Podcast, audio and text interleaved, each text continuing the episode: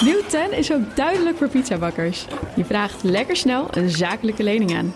Net zo snel als dat ik mijn pizza's bezorg. Duidelijk voor ondernemers. Nieuw 10. Je doelen dichterbij. Een initiatief van ABN AMRO. De BNR Techniek Tour wordt mede mogelijk gemaakt door Techniek Nederland. De makers van morgen. BNR Nieuwsradio. De BNR Techniek Tour. Martijn de Rijk.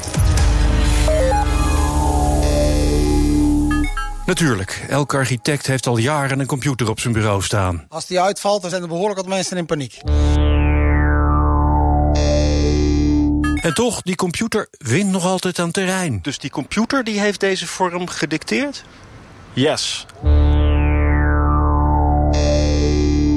En dan wordt het onverwacht filosofisch in onze bebouwde omgeving. Niks is voor de eeuwigheid, want alles is tijdelijk. Maar als alles tijdelijk is, dan is ook iedere behoefte tijdelijk. En dan is ook iedere gebouw tijdelijk. Maar toch zou ik als boekhouder toch ook naar dit verhaal luisteren, want dat kan miljoenen schelen.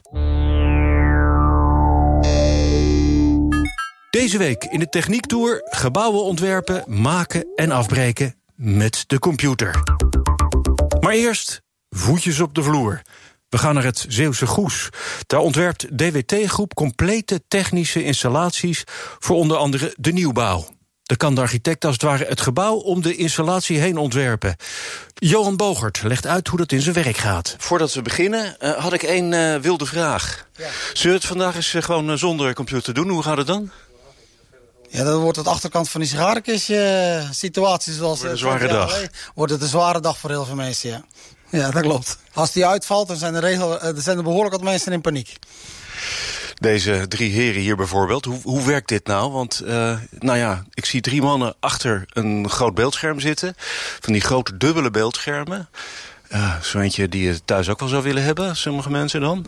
Uh, dat zijn de jongens van de techniek. De eerste die daar zit, dat is degene die het projectteam leidt. Dus die is verantwoordelijk voor het eindproduct en uh, of er een paar centjes aan verdiend worden. Dus die maakt de beslissingen. Zit druk te bellen? Die zit druk te bellen, dus dat is altijd, die mannen praten veel. En uh, die zetten weinig op papier. Uh, en dat is, uh, dat is onze engineer, Peter van der Welen. Dat is wel de belangrijkste speel in, in, in, in het team. die zorgt ervoor dat wat verkocht is, daadwerkelijk gemaakt kan worden. Dus... Peter, waar zit ik nou naar te kijken hier? Ja, ik ben principeschema's aan het maken. Dat is een gebouw? Ja, dat is de plattegrond. Uh, die hou ik dus uh, op mijn ene scherm uh, erbij. En het, het schema wat ik aan het maken ben op het andere scherm. En als ik dan naar het leidingtracé ga kijken... Ja, nou, dit is dan de, een waterinstallatie. Ehm, met, met, ja, hier zie je bijvoorbeeld een boiler en de pompen ertussen... en de opnemers van temperaturen die dus gemonitord worden... via dat regelsysteem, de regeltechniek. We hebben ze ook voor ventilatie, hebben ook zo'n systeem... en ook voor de verwarming en koeling. En wat kan er nou misgaan? Uh, ja. als het goed is niks. Want het uh, systeem waarschuwt je als je het, uh, het, het uh, ja. de stroom op het water aansluit of zo? Ja, ja nee, het, het systeem, de, de regeltechniek waar ik mee bezig ben... Ja, die, die zorgt inderdaad gewoon dat, dat er motoren of kleppen aangestuurd worden... En ook een stukje storingsmelding. En dan is die installatie dus helemaal goed gemaakt... en dan gaat het naar ontworpen en dan gaan we een deurtje verder? Ja. Zo, en de moduleur die heeft het schreeuwend druk, want het is natuurlijk, uh, ja, het is zo'n dag, hè, geloof ik? Ik kan wel zeggen, ja. Het is altijd druk. Dus. En wat doe jij dan als uh, moduleur? Ik ben nu uh, bijvoorbeeld de groepsindeling erin aan het zetten, in, in het model, zeg maar. Dus je ziet ook inderdaad de groepsnummers van de verlichting erin staan. en voor de rest plaats ik ze natuurlijk ook in het model zelf. Dus je hebt hier een 3D aanzicht. Ik zie een, heel, ja, een hele ruimte. Ja. Aan. Je ziet de speakers hangen. Uh, je ziet wat dingen van, van het luchtkanalen zie je zitten. De kabelgrootte. En ja, je moet natuurlijk zorgen dat er niks clasht met elkaar natuurlijk. Nou ja, want uh, dat jij een rioolpijp dwars door een stalen ja. balk hebt ontworpen. Want hoe ik het teken, zo wordt het ook in de werkelijkheid gemaakt natuurlijk. En, en, en, als jij zo'n rioolpijp dwars door een stalen balk heen tekent, wat gebeurt er dan? Ja, dan zal die toch opzij moeten. De rioolpijp? Ja, of in ieder geval waar die mee clasht, een van de twee moet natuurlijk opzij. En, en dit soort dingen voorkom je natuurlijk hè, met ja. computerontwerp. Dat heb je inderdaad in 3D, kun je dat allemaal zien natuurlijk.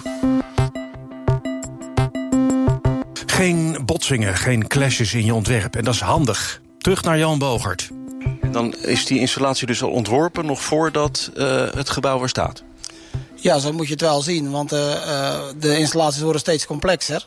Daar zijn we vroeger vaak tegenaan gelopen. Uh, dan tekent de architect een gebouw, die ontwerpt dat. En uiteindelijk de technische ruimte, ja, dat is, dat is het sluitstuk. Er is nog een paar vierkante meter over en daar wordt hij dan ingepropt. En dan, dan is het proces al zover dat de klant gewoon van dat ontwerp uitgaat. En dan zitten wij met de problemen. Want dan kunnen we onze installatie niet kwijt. En dat, dat is nu wel heel sterk verbeterd met, met het 3D-werken. Ja, en dan kan die klant als het ware zijn gebouw eromheen ontwerpen? Ja, zo, zo moet je het wel zien, ja. Want uh, de klant heeft bepaalde wensen. Uh, we, we, bouwen steeds geïsoleerder, geluidsdicht. Heb je allemaal mee te maken. En dan heb je wel steeds complexere installaties nodig. Dus uiteindelijk zeggen wij, dan moet er zo'n installatie in. En dan kan hij daar zijn ontwerp op aanpassen. Nou, is zo'n term die vaak in dit verband genoemd wordt, is dat uh, BIM, hè? Dat is het Building Information Modeling? Dat klopt. dat is ook wel een beetje een modewoord, denk ik. Het, het, dat ja, dat ik dan zeggen klinkt misschien een beetje gek, maar uiteindelijk is het gewoon dat je... Want u doet graag mee aan deze mode. Ja, uiteindelijk ontkom je er ook niet aan. Maar voor ons is het heel simpel. Je, zet, je werkt met z'n allen op één plek. Je, je, je brengt je informatie allemaal op één plek. En alle partijen die er aan mee werken, kunnen die informatie gewoon snel vinden. En daarmee uh, versnel je het proces en haal je gewoon problemen gewoon beter uit je ontwerp. Voordat je gaat starten met de bouw. Juist, dus de, uh, Peter en uh, Martin hier zo, die stoppen hun ontwerp in dat grote model. Waardoor vervolgens nou ja, ook de binnenhuisarchitect in dat model kan zien van... oh, daar kan ik even niet langs. Ja, dat, zo, zo werkt het wel. We doen dat uploaden zeg maar één keer in zoveel tijd. Uh, er is één iemand verantwoordelijk voor. Dat noemen we een BIM-coördinator. Die verzamelt al die informatie. En die kijkt ook naar de clashes. Want er zijn programma's voor die de clashes eruit halen. Dus dingen die elkaar in de weg zitten. Uh, maar het is wel zo dat als je, die, als je samen met elkaar optrekt... zie je die dingen gewoon heel snel. En dan heb je er dus veel directer overleg over, over de inrichting van het gebouw. Ja. Levert dat nou betere gebouwen, goedkopere gebouwen? Wat, wat, wat zijn de voordelen?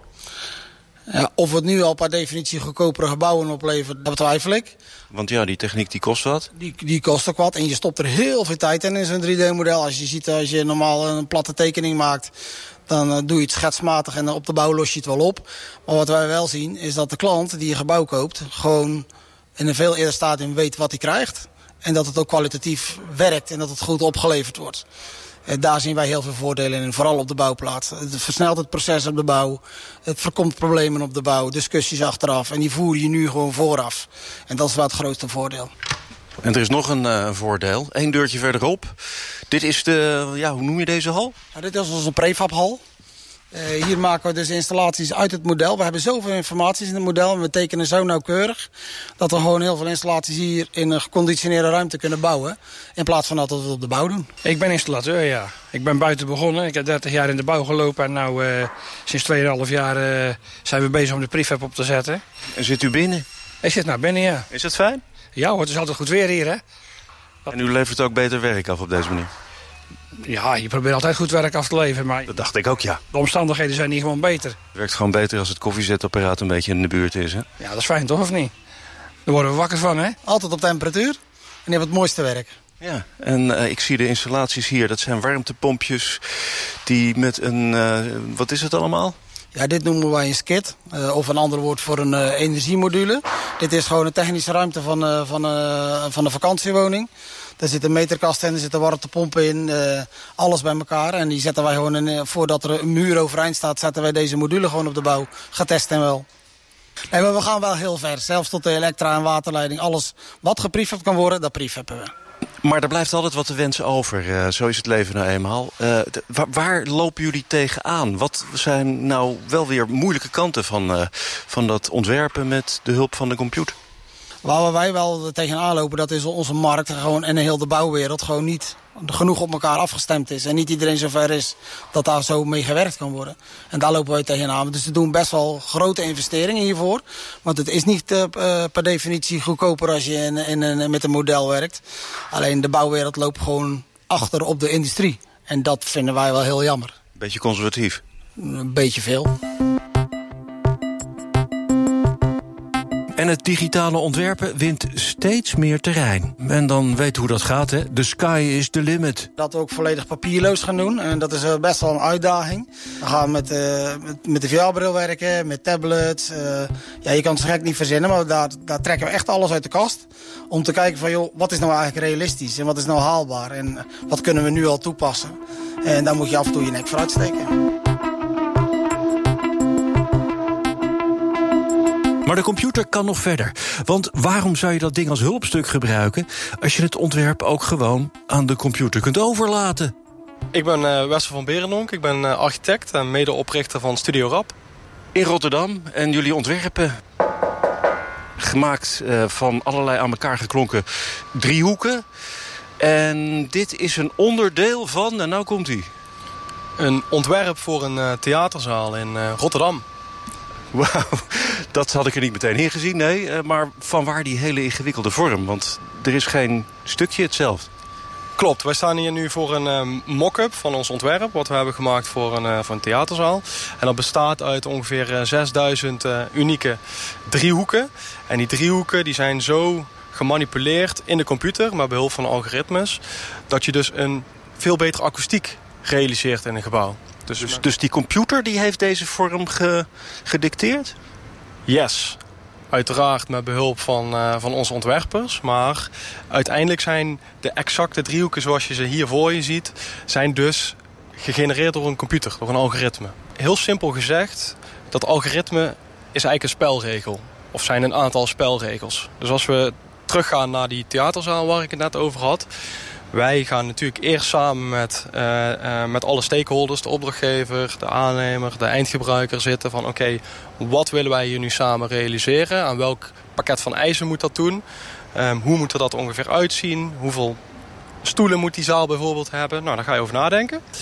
Um, en dan gaan wij dat rationaliseren naar eerst een architectonisch concept. Dus dat was dat die uh, wanden in elkaar overvloeien in één vloeiende beweging dat dat die artiesten omarmt, dat dat, dat publiek omarmt... dat je gewoon een goede ruimte krijgt, architectonisch, ruimtelijk. Um, en daarna gaan we kijken van oké, wat zijn nou de prestaties... waaraan dit technisch moet voldoen. Dus die wand die bestaat uit 6000 driehoeken. Maar die driehoeken die zijn we vervolgens zo gaan verschuiven in 3D... met behulp van algoritmes, dat je dus betere akoestiek krijgt. En doordat we dat hebben gedaan is bijna 25% betere akoestiek gerealiseerd. En dat wil je natuurlijk als je een theater gaat neerzetten. Dat denk ik wel, ja. En zullen we die volgende stap dan ook maar zetten? Laat die computer dan ook maar bouwen. BNR Nieuwsradio. De BNR Techniek Tour. We ontwerpen digitaal, maar wij laten het ook digitaal produceren. Dan moet je dus denken aan, uh, aan robots of CNC-machines... die je dus computergestuurd kunt, uh, objecten kunt laten maken. Dus iemand heeft boven al de algoritmes in, het, in de computer gestopt. Daar is uiteindelijk een, een ontwerp uitgerold. En dat wordt hier beneden door computergestuurde apparatuur in elkaar gezet. Ja, niet bij al onze projecten, want sommige projecten doen we ook met partners.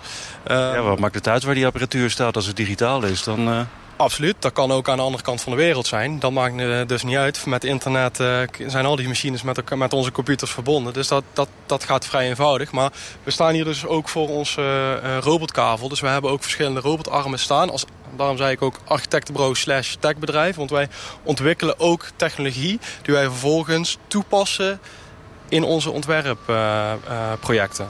Maar wij zijn hier met name gefocust op 3D-printtechnologie. En het mock-up die we waar we nu voor staan, de driehoeken, die hebben we met een partner gemaakt. Oké. Okay. Uh, en dan staat er hier bijvoorbeeld... ja, ik kan deze vorm totaal niet omschrijven. Het lijkt een stuk uit een boom. Het heeft een hele ja, bobbelige oppervlakte. Het is beton, geloof ik. Ja, dat klopt. Dat is uh, 3D geprint uh, beton. Dit is ook een, een mock-up van een, uh, een watertaxihalte die wij op dit moment... Uh... Een watertaxihalte, ja. ja. Ja, je zou het niet zeggen, dat klopt. Nee, nee maar uh, het gave van 3D betonprinten is dus dat je... Dat is het laagsgewijs opbouwen van beton... zonder dat je dus nog een bekisting nodig hebt. Hè. Dus traditioneel wordt be beton in een kist gegoten om een bepaalde vorm te krijgen. Um, maar dat hoeft dus niet meer als je gaat 3D beton printen. Dus dan bouw je laagsgewijs beton op um, in de vorm die je maar wilt. En dan zie je bijvoorbeeld dat, uh, dan kijk ik er even in, want ja, het is gewoon, uh, het is gewoon hol hè, Die, uh, dat betonnen ding. Ja, klopt. Dus naast dat je hele prachtige vormen kunt maken, kunt realiseren, wat eigenlijk normaal lastig is te maken, kun je dus ook veel slimmere, holle constructies maken. En zo kun je dus gigantisch veel beton besparen in dit geval. Um, omdat je, zou ik maar zeggen, het midden van je constructie, uh, die is gewoon hol. Ja. Ik zie daar ook een, uh, een, een, klein modelletje staan. Uh, het is, als een, het is als, een, als een schelp die zich over je heen... ja. Het is een, een uitkraging in de vorm van een schelp... van ongeveer 3,5 meter bij 4,5 meter. Um, en die moet uiteraard ook je beschermen tegen de regen en de wind. Um, omdat je al voor, voor, voor gebruik... Je staat op je watertaxi te wachten. Exact, ja. ja. En ook deze vorm is dus uh, gegenereerd met behulp van een algoritme. Het idee is dus dat je um, op iedere unieke locatie... een unieke watertaxihalte zou kunnen realiseren. Um, dus die gaan wij natuurlijk niet met de hand allemaal uittekenen. Dus zo kun je eigenlijk aan de hand van parameters... dus de, de zoninstraling, de capaciteit van de watertaxihalte bijvoorbeeld... die kun je gewoon intypen. En de computer genereert dan een vorm. Uiteraard onder de esthetische begeleiding van onze ontwerpers natuurlijk. Um, en daarna kun je het dus 3D uh, beton printen. Wat me ook opvalt bij allebei deze dingen... Ja, de ontwerper die, doet, die, die, die stopt hier van alles in... maar de computer maakt er wel iets heel erg moois van, hè? Ja, dat is uiteraard uh, ook de bedoeling. Ons, een van onze taken natuurlijk als architect. Dus wat wij uh, proberen te doen in onze ontwerpprojecten... is niet alleen betere, slimmere gebouwen te maken... maar ook vooral mooiere. Dus wij zijn op zoek naar... Nou, wat, wat zijn nu de implicaties van technologie voor architectuur? Je kunt je voorstellen dat een robot andere dingen kan maken dan een mens. Dus um, dat biedt heel veel mogelijkheden natuurlijk voor ons als ontwerper. Ik denk dat uh, nou, als je hier dadelijk het gebouw uitstapt... dan is uh, 90% van de, van de gebouw is uh, strak recht. Ja, allemaal recht, uit, recht toe, recht aan. Ja, ja. ja en, de, en nou, met deze technologie kun je dat dus weer ehm, Gebeurt het nou ook wel eens dat je dan een uh, ontwerpje uh, eruit ziet rollen... en je denkt van nee, sorry, maar dit is, uh, gewoon, is gewoon niet mooi, klaar, doen we niet? Ja, absoluut. Kijk, uiteindelijk moet je wel een kritische houding hebben als, als architect... naar datgene wat zo'n algoritme genereert. Daarom blijft het dus ook nog steeds nou ja, mensenwerk in die zin. Dus je moet absoluut dat cureren. Cureren. Over cureren gesproken...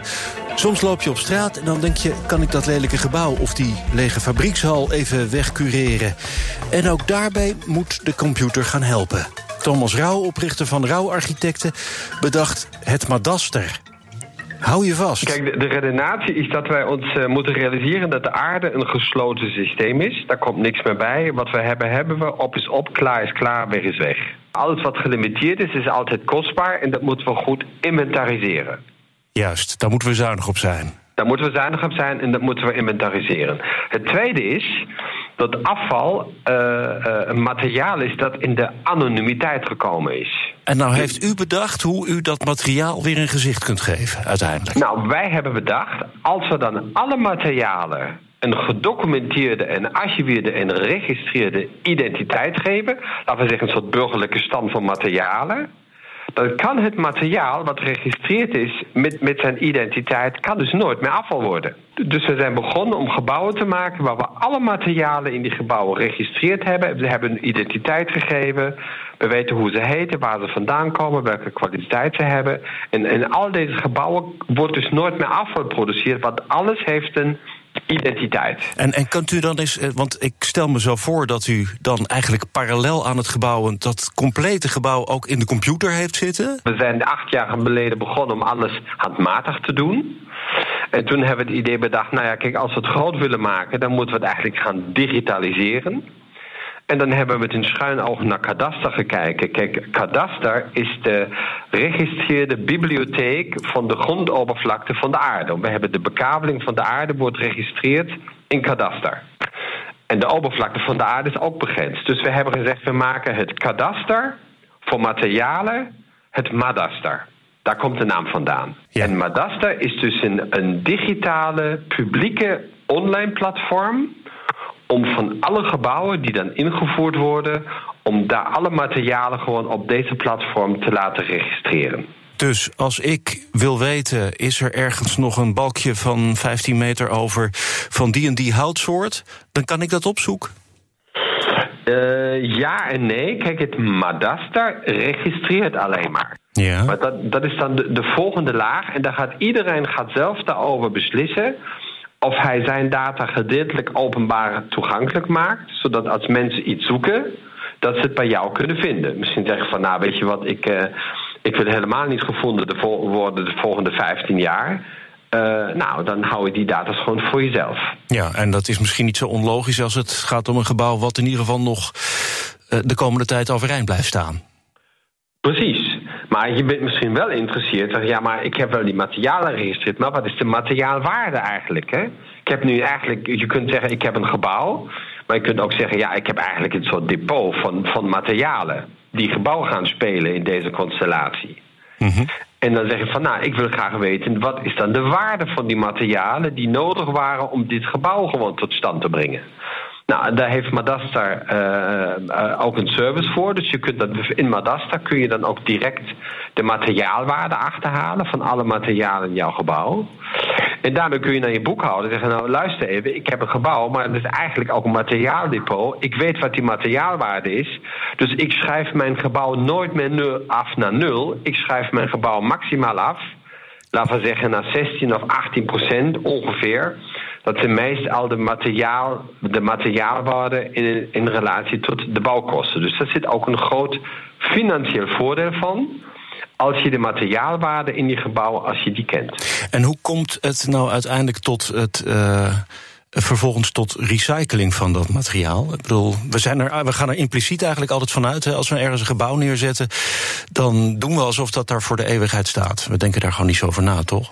Ja, ja, dat is een goede vraag. Kijk, niks, niks is voor de eeuwigheid, want alles is tijdelijk. Kijk, ons zijn is tijdelijk, jouw zijn is tijdelijk, maar niemand van ons gaat deze planeet levend verlaten. Dat is 100% zeker.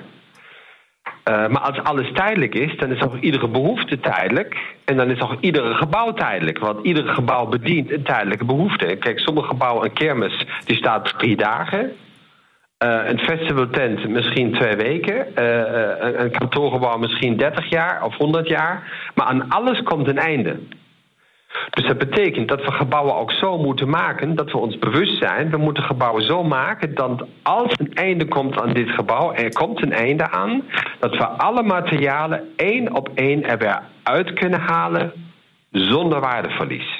Ja, en dat betekent dus ook dat je bepaalde eisen stelt aan hoe dat gebouw gemaakt is. Want je, ja, je, je kunt een baksteen niet zo uit de muur trekken, om maar eens wat uh, te noemen. Exact, exact. Dat noemen we dan een remontabel gebouw.